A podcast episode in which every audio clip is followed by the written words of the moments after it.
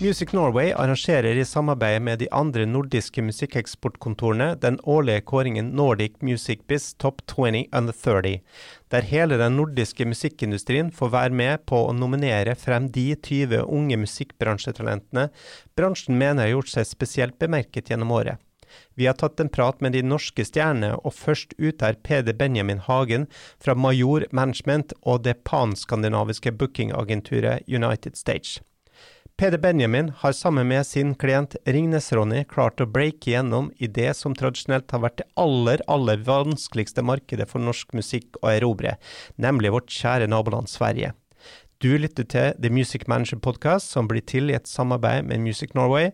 Produsent er Carl Christian Johansen, og mitt navn er Vega Vaske. Følg oss på Spotify og Apple, og på Instagram The Music Manager Podcast. Du, eh, Peder Benjamin, eh, kan du fortelle litt, eh, hvor kom du fra, og hvordan havna du i musikkbransjen?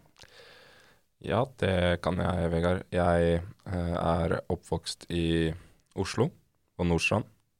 Um, jeg drev med idrett mens jeg var ungdom, og, og, drev med sykling.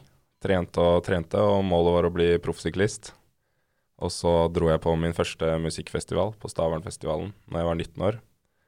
Og etter det så, så kom jeg meg ikke tilbake på sykkelen. Nei. Um, Hvilket år var det her?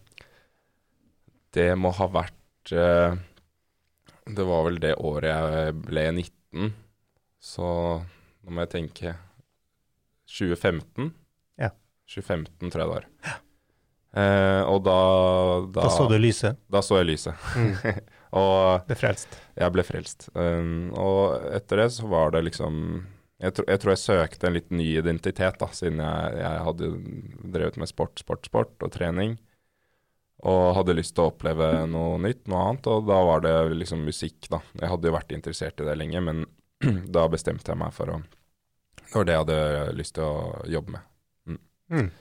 Eh, og så Jeg var veldig musikknerd, og, og, og særlig på en måte hiphop var, var, det jeg digget. Så jeg hadde lyst til å signe en hiphop-gruppe mm. som eh, liksom mitt første prosjekt.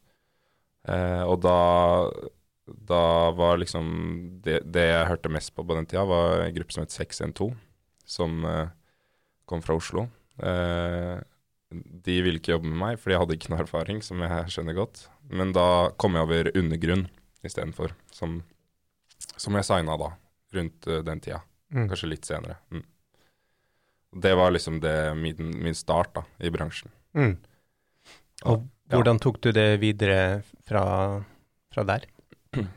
Nei, altså da fikk jeg jo på en måte litt kontakter etter hvert, da. Så jeg begynte jo bare å maile folk og sende folk demoer og Uh, mase på spillesteder, og så fikk jeg etter hvert jobbe litt med Tooth Fairy, fordi jeg, jeg kjente Martin Kilde, som driver det, mm. uh, for å lære litt. Fordi jeg trengte litt erfaring. Uh, og så via det så kom jeg i kontakt med United Stage etter hvert. og så startet jeg altså mitt eget selskap, da, Major. Mm. Mm. Når var det du begynte i United Stage, da? første gangen var vel kanskje 2018 eller sånn. Mm. Mm.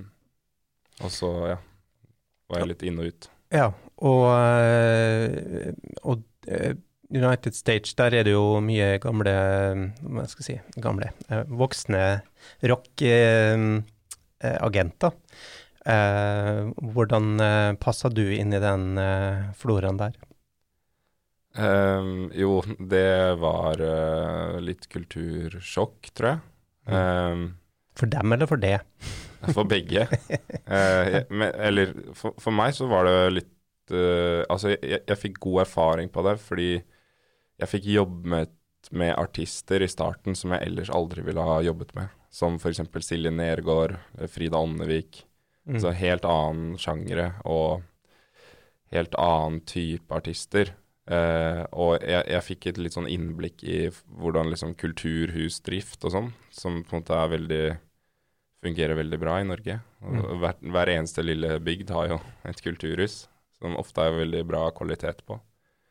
Um, og, og jeg, ja, jeg, jeg fikk på en måte litt bredere, bredere erfaring, da, som jeg på en måte nå senere tid uh, har, eh, har tatt på en måte god nytte av, da, og, et litt annet nettverk kanskje også. Mm. Um, men, men jeg tror også Jeg hadde jo helt andre tanker også med de artistene jeg jobbet med, som når jeg først startet, var uh, litt uh, Si kanskje tabu, men, men altså jeg tror de som jobbet der, uh, de, de, skjønte ikke helt hva det var Hva, hva det var for noe. Mm. Og, og, det var på en måte ikke så stort heller, så det var litt vanskelig å se det òg. Men så, så, så, ja, i starten så var det, så var det litt kultursjokket. mm. eh, begge veier. Og jeg tror, men, men etter hvert så, så, har det jo på en måte blitt mer og mer aktuelt, da. Ja. Hva, hva, det Altså, eh, hva består rosteren din av eh, per i dag, da? Nei, nå så jobber jeg med artister som uh, Rock Boys, Rignes Ronny, uh, Beethoven, Golfklubb, uh, Bausa, uh, Erika Norwich, Jonathan Floyd, Chris Winther. Mm. Ja. så, så, det er ganske sånn bredt spenn, da, men det er veldig spisset inn mot hva skal jeg si, den musikken som før var russemusikk, men som nå har blitt kommers ungdomsmusikk, vil jeg kalle det. Mm. Og i et sånt eksportøyemed så er det jo uten tvil Ringnes Ronny som kanskje har hatt aller største suksess utenfor Norge, av dem du jobber med. Eh, kan du Absolutt. fortelle litt om uh, den reisen? Ja, uh, ja, det er jo også et godt eksempel på hva skal jeg si, russemusikk som al Altså utviklinga på russemusikk, da. Um, Ringnes Ronny startet som en russeartist eh, hvor han lagde låter for russegrupper, eh, som mange gjør i Norge. Det er en vei, eh, opplever jeg, inn i bransjen for mange. Eh, og så fikk han stadig mer eh, Han fikk stadig flere lyttere i Sverige.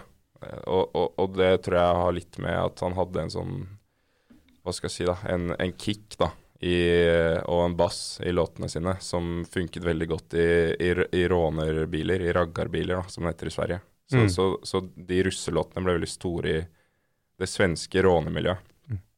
Eh, Hvordan fant de låtene det miljøet?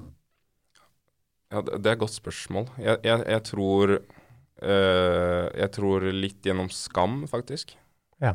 Eh, hvor på en måte mange uten, eh, altså i Norden og utenfor Norden ble kjent med konseptet russ mm. og russemusikk. At det var et fenomen. Mm. Og så tror jeg litt sånn Spotify-algoritmer.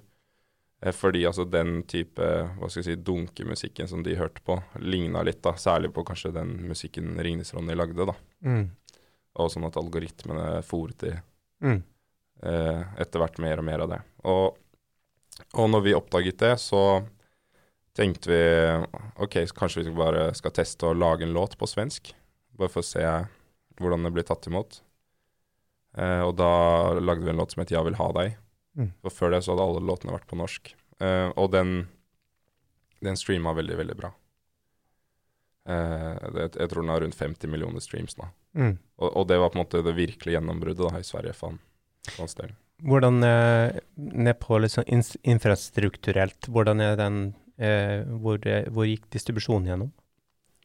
Eh, det var jeg, jeg, jeg, tror det er type DistroKid eller noe sånt. Å ah, ja, så det er ikke noen som har sittet og trykt på i Sverige heller? Det har liksom Nei, skjedd av seg sjøl? Og, og, det er veldig morsomt at du spør det, fordi vi satt faktisk i dialog med Universal Sverige.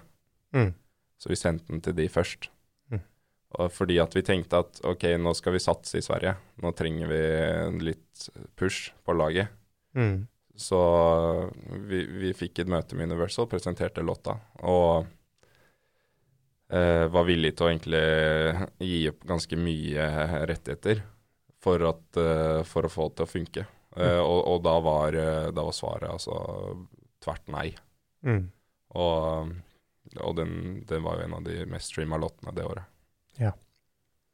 Eh, er det eh, har den svenske platebransjen litt sånn eh, berøringsangst i, i forhold til eh, hva skal jeg si, epadunk eh, og hva skal jeg si, svensk russemusikk, for å si det på den måten? Ja, ja jeg, absolutt. Um, det blir bedre og bedre, selvfølgelig, fordi at um, De har ikke noe valg? De har ikke noe valg, nei, rett og slett. Men, men lenge var det jo Altså, de har prøvd å bremse så lenge som mulig. Altså den etablerte bransjen i i Sverige, vil jeg si. da. Altså mm. Stockholmsbransjen. Uh, mm. uh, ja, altså Ja, det er jo in interessant. Jeg, jeg, tror det er mange grunner til det. Det er jo litt sånn sosialt, uh, sosiale grunner, og litt politiske grunner sikkert også.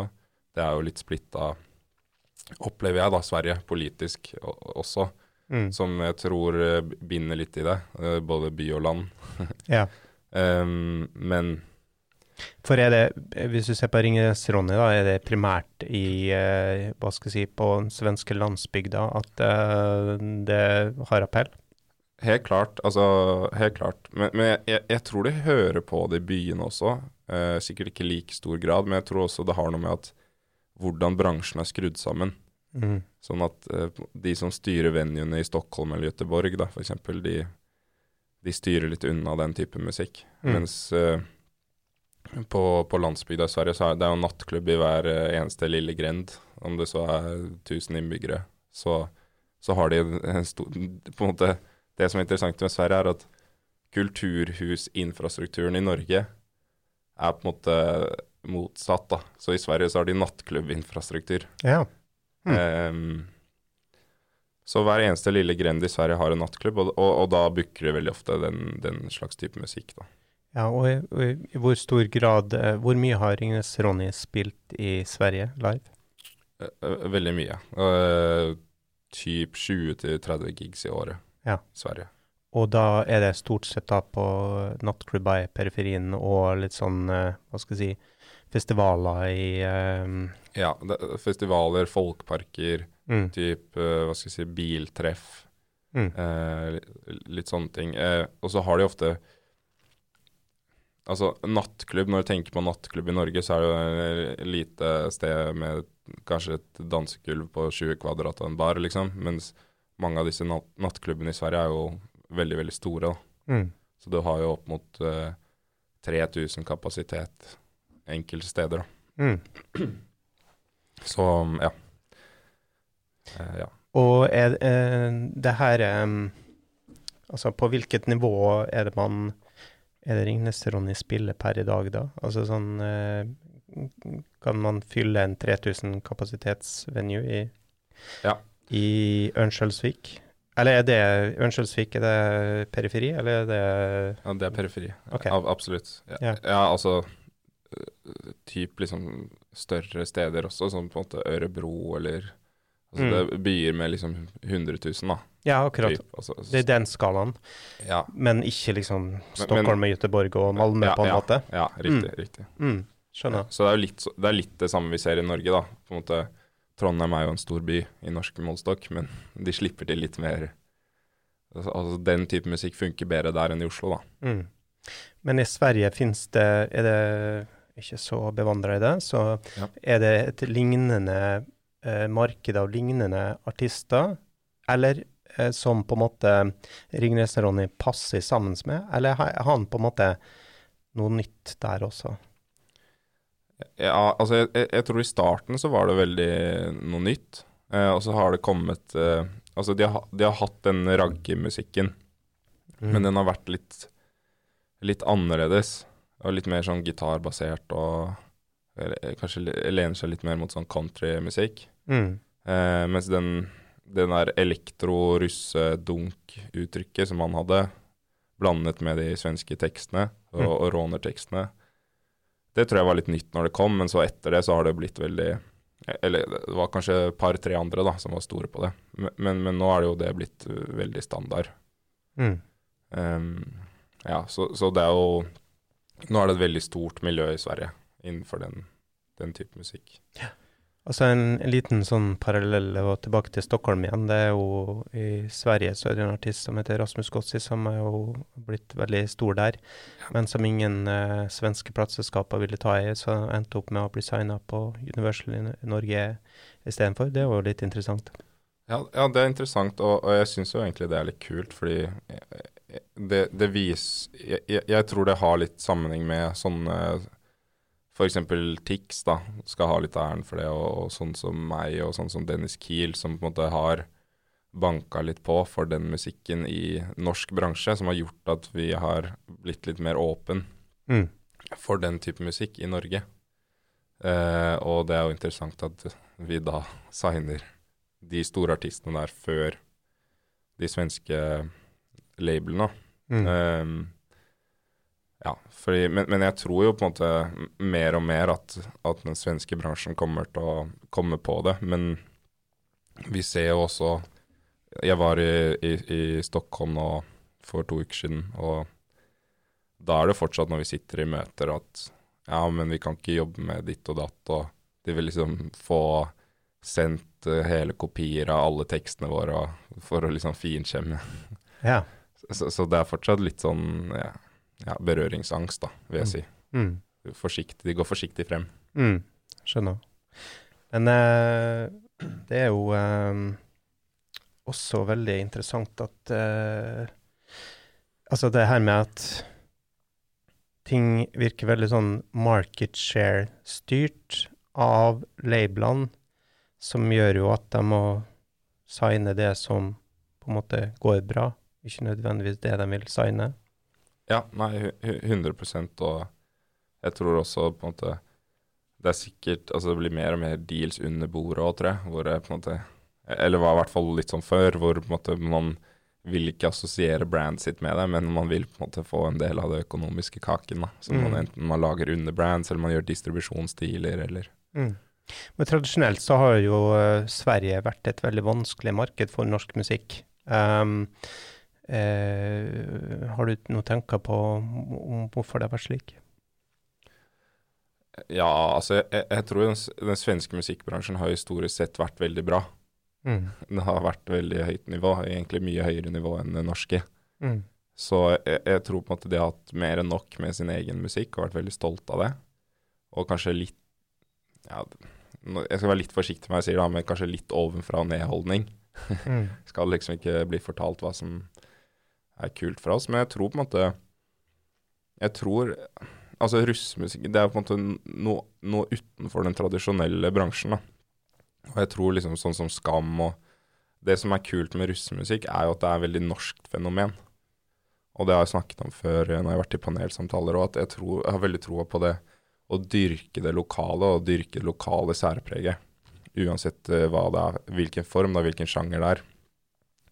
Så tror jeg på at på en måte, det, når den russemusikken kom, det var på en måte noe som var litt spennende for svensker. da. Det mm. var en annen kultur som de på en måte kunne forstå gjennom språket sitt, men, men som var litt vanskelig kanskje å eh, replikere, da. Er det noen som har, eh, tatt, har gjort eh, russemusikk på engelsk? Eh, ja, det er det jo. Altså, Tungevåg og hva skal jeg si, de tidligere russelåtene var jo på stort sett på engelsk. Men mm. jeg tror jo også mer og mer Vi ser jo sånn som Etikk, som skrev for Ava Max og på en måte Det er jo Altså, hva er russmusikk, på en måte? Det er jo utrolig bredt, så det kan jo være hva som helst. Men, det tror jeg at i, i, innenfor russmusikken, eller, eller fra russmusikken, så kommer det veldig mange veldig gode produsenter og veldig mange gode låtskrivere. Mm som på en måte Og du ser det jo nå med f.eks. russemusikk er jo nå alt fra Ringnes-Ronny i den ene enden til Rockboy, som på en måte er mer hiphop. Mm. Så du har et, det, det har utvikla seg i mm. et enormt spenn, da. Mm. Som, ja. ja. for man har jo sett at Ringnes Nei, ikke Ringnes, men altså at uh, russemusikk har uh, vært en bra sånn uh, utviklings... Uh, development farm, skulle jeg si, for uh, produsenter og låtskrivere, der de bygges opp i å lage russmusikk og eh, også tjener penger på det, som gjør at de kan finansiere f.eks. å dra til LA og prøve å, å slå seg opp der. Ja, ja og, jeg, og, jeg, tror på en måte noe av grunnen til det òg er eh, det er bestillingsverk, så du lærer deg på en måte det å tilpasse deg andre.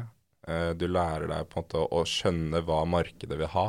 Mm. Fordi du gjør det på vegne av noen andre. Og jeg tror også det er litt lettere å slippe seg løs når du ikke er nødt til å ta 100% eierskap til ting. da. Ja. Uh, du, du, du, slipper deg litt mer eh, kreativt fri, da du binder deg ikke så mye. Og de har jo et stort volum, ikke sant. Fordi at de, de, får en, de, får et honorar per låt, som regel. Mm. Så da er det om å gjøre å gi ut mange låter, da. Mm.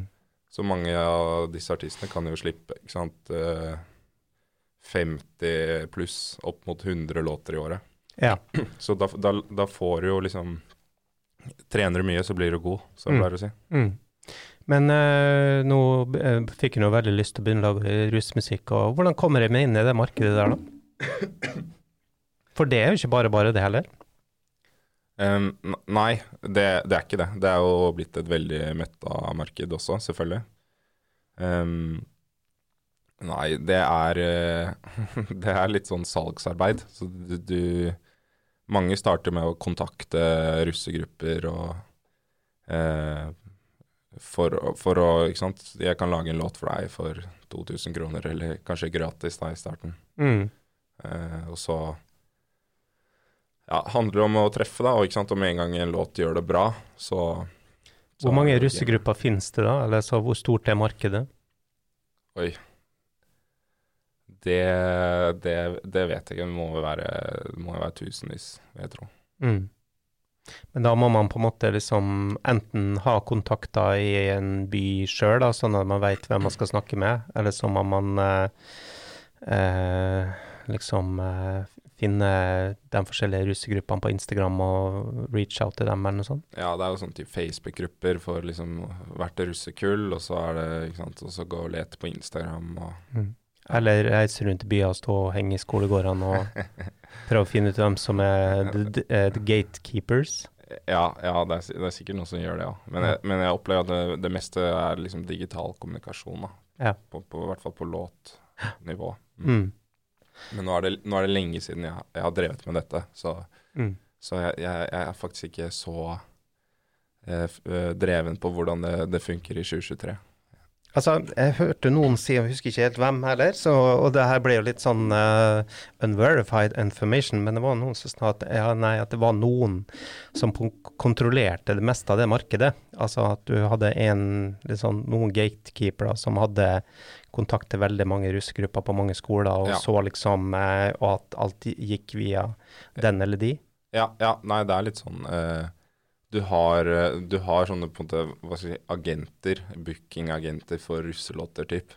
Mm. Som på en måte har en slags roster, og så uh, har liksom kontroll på forskjellige skoler. Og så hvis du vil ha en låt, så må du gå gjennom han fyren, da. Så ja. Så kan han fikse deg en bra låt. Er det, jeg kan jo tenke meg at det varierer sikkert litt etter uh, hvilken leverage du har som produsent, om det er ny eller etablert, og hvilke skoler du At uh, kanskje liksom uh, Hva skal jeg si en, en videregående i Oslo vest kanskje har en annen, en annen price range enn en videregående på Toten. Men i hvilke størrelsesordener snakker man? hvor mye kan man tjene på en, en russelåt? da? Nei, altså du, du, Hvis du virkelig er hot, så kan du jo ta ja, mellom si 50 og 150 000 for en låt, typ. Ja, såpass, ja. Mm. Så ja, det er ganske god økonomi. Og, og mange, eller de største liksom russebussene og sånn, bestiller jo ofte flere låter på et år, altså. Ja. Ja, det er jo uh, fem ganger så mye som ofte standarden er på å, å, produsere en artist på et stort norsk selskap, det. Ja, ikke sant. Så det er, så, så, så det er jo ja, utvilsomt en god økonomi. Og, og sånn som Ringnes-Ronny, da. Eh, altså, eller, eller, mange andre artister. De, de, har jo ofte andre artistkarrierer. Og så lager de et russealibi på si mm. for å for å tjene penger, rett og Ja, ikke sant. For å finansiere den andre karrieren, ja. Ja. Eh, det, jeg kjenner også, jeg skal ikke nevne navn, men eh, noen veldig sånn kredible artister som jeg vet også driver på og lager russmusikk, eh, sånn veldig på si, Ja. for å si det sånn.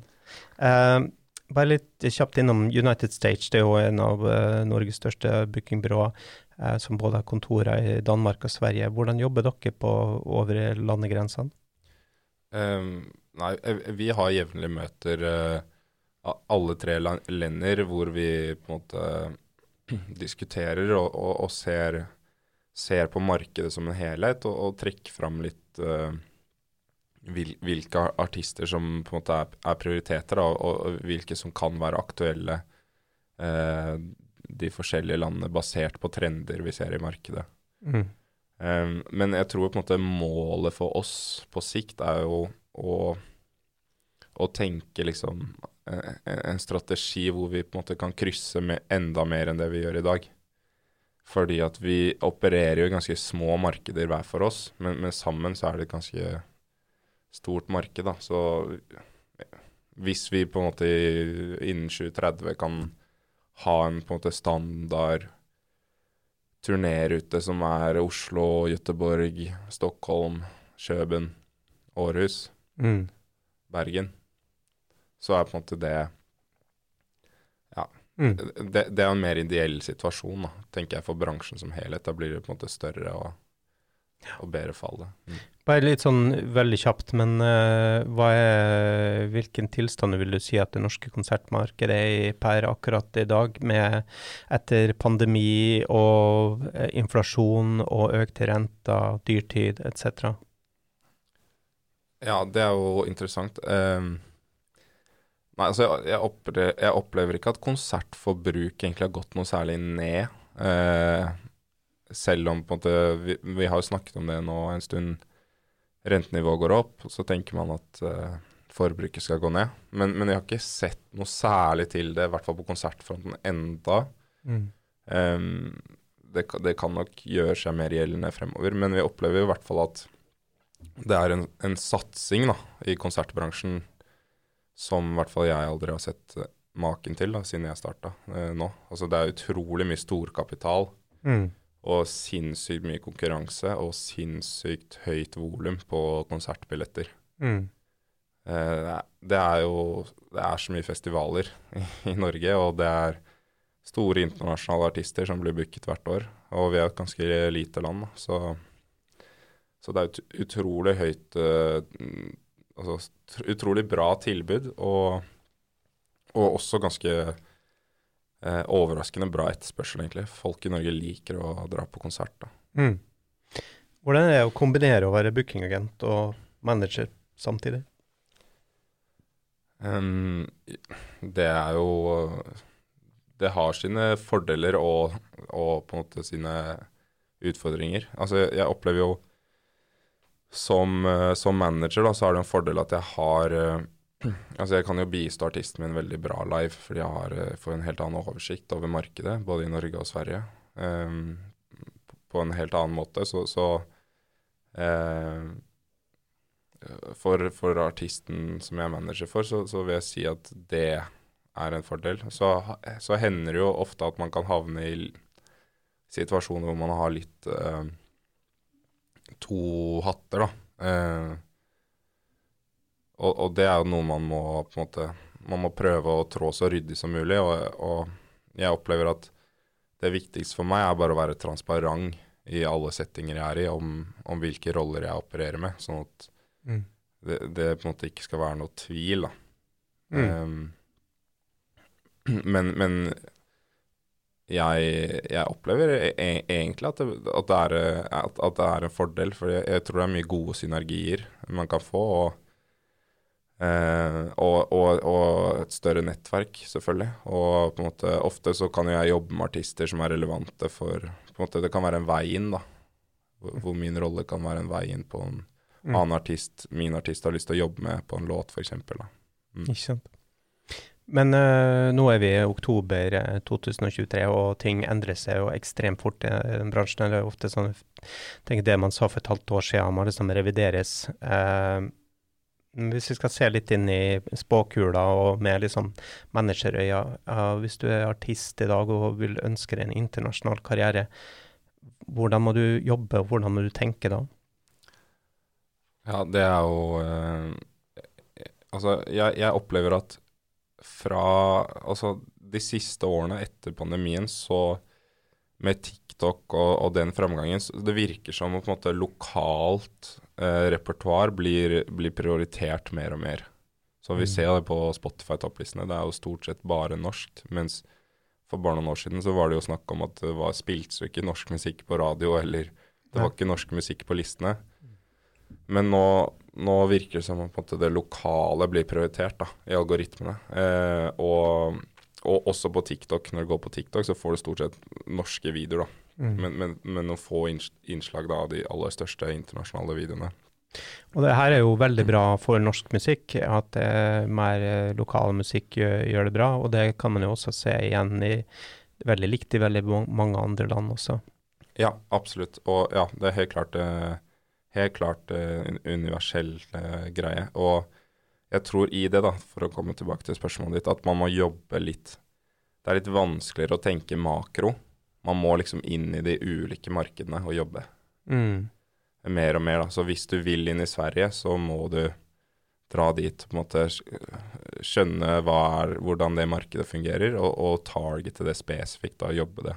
Mm. Og hvis du vil til Tyskland, eller ikke sant, du må liksom dra dit og være der og, og liksom Det er vanskelig å spre seg tynt lenger og ja. regne med at én uh, uh, formula skal virke overalt. Absolutt, absolutt. Ja, nei, så ja, det er mer Ja, jeg tror det må mer lokal jobbing til. Og så tenker jeg at eh, Ja, litt sånn som jeg var tilbake til i stad, at på en måte russemusikk fikk en sånn naturlig overgang til Sverige fordi at det var noe unikt fra Norge som var vanskelig å replikere, og som på en måte er nytt, og, nytt og spennende. Og det, det syns jeg på en måte er en god formel for på en måte internasjonal, internasjonal suksess, og liksom dyrke særpreget der du kommer fra. Mm. Og, og, den kulturen du eh, Hva skal jeg si, da, du sitter på. Fordi, altså, enten det er hiphop fra Brooklyn, liksom, eller meksikansk eh, musikk, så, så er det på en måte Så ser du du ser at det som funker internasjonalt ofte er Altså, du har jo den store mainstream strømlinjeformede popmusikken, men du, du har Eller k-pop, eller ikke sant. Ting som på en måte stammer fra en kultur som på en måte er eget, og det, det vil alltid folk synes er spennende, unikt. Så, ja. mm. så på en måte ja, Det er min appell da til norsk musikkbransje. Prøv heller å dyrke særpreget annet enn å og, og prøve å hø høre, som, høre, ut som alle andre. Mm. Eh, og du som eh, si, manager og aktør, da, hva, hva, hva, tenker du at du må forberede deg på de neste åra i forhold til liksom eh, eh Hvilke utfordringer vil kunne oppstå? Um, ja, det er mange utfordringer som vil oppstå. Jeg, jeg tror um, jeg tror AI er, en, er et stort uh, spørsmålstegn. Yep. Jeg tror det kommer til å bli uh, det, Jeg tror det kommer til å bli en stor industri. Og jeg tror på en måte de som er først på ballen, kommer til å stikke av litt med kaka. Og så mm. tror jeg at det, det, kommer til å være et enormt uh, juridisk si, hodeverk. Da. Det kommer til å være utrolig mange problemstillinger. Så for advokatene så er det sikkert god mat. Men, mm. uh, men det, det, det, blir utrolig spennende å se hvordan man løser det i forhold til rettigheter og mm. uh, kataloger og for, for, i teorien så kan man jo på en måte ta stemmen til Michael Jackson og lage nye hits, på en måte. Så. Ja, så er det den store utfordringen at uh, den teknologiske utviklinga den går stadig raskere, uh, mens uh, Hva skal jeg si For det offentlige å utrede og lage lover som tilpasses det her, det går jo så veldig seint. Sånn at det henger liksom ikke helt i hop, da. Nei, nei, helt klart. Og Uh, ja, det er en stor utfordring, selvfølgelig. Og så tror jeg at måte, det å klare å skape blest rundt musikkbransjen uh, det er en stadig større problemstilling, fordi konkurransen er så stor. Er, altså på underholdningssiden, da. Mm. For jeg ser på som musikk som en, et ledd da, i, i underholdning som en total eh, hva skal jeg si, pakke. Når, når, folk bruker økonomien sin eller tiden sin, så, så, så er underholdning på en måte en del av det. Og i det så ligger Barbie-filmen eller TikTok eller Champions League eller PlayStation eller mm. Det er så stort spenn. altså Jeg tror vi som bransje må på en måte uh, jobbe litt sammen på, på å skape mer blest uh, rundt musikk mm. for, for, ungdom. Og også finne nye måter å nå folk på. Nye former og, og tenke litt utenfor boksen. Fordi ja, altså trykket på underholdning i Netflix, ikke sant. Det er, det, det er så stort, da. Mm. Og, og, jeg tror altså istedenfor at det er så vanvittig intern konkurranse i musikkbransjen, så tror jeg det er heller det, det lurer å se litt makro på det og tenke hvordan kan vi sammen skape mer blest om det vi driver med. Ja, det er interessant at det konsumeres eh, bare mer og mer musikk, men vi har ikke noen særlig musikkmedie lenger. og Eh, store mainstream-media skriver veldig lite om artister, med mindre de kan på en måte ha en sånn kontekst rundt det. Så, og syns jo også en utfordring at vi f.eks. i Norge ikke har vi har ikke noe Billboard, eller vi har ikke noe Musikkindustrien, f.eks., som det heter i, uh, i Sverige, da, som en uh, nettavis for uh, musikkbransjen.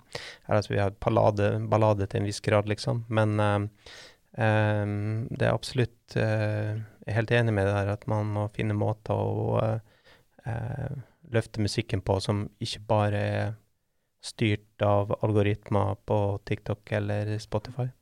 Ja, nei, 100 selvfølgelig. Og så syns jeg jo Du ser jo musikk, som du sier, da, det er jo stadig mer og mer relevant. Og musikken bygger jo f.eks. plattformer som TikTok, da. Mm. Men, men, jeg opplever også på en måte at eh, ja, musikkbransjen får kanskje ikke igjen det de fortjener da, for, uh, for, den betydningen og den rollen de, de spiller da, i de tingene. Mm. Eh, TikTok sitter jo igjen som vinneren. på en måte. Ja, ja. Don't get me started. Men jeg tenker det er fint, uh, et fint sted å runde, runde, det av. Så tusen takk for at du kom på besøk, Peder Benjamin. Veldig hyggelig å være her, Vegard. Takk. Tusen takk.